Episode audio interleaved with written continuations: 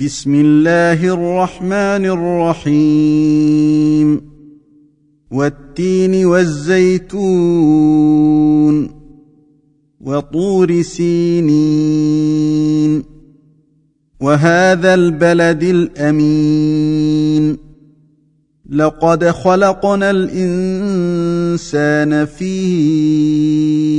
احسن تقويم ثم رددناه اسفل سافلين الا الذين امنوا وعملوا الصالحات فلهم اجر غير ممنون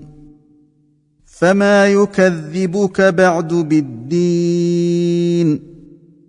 اليس الله باحكم الحاكمين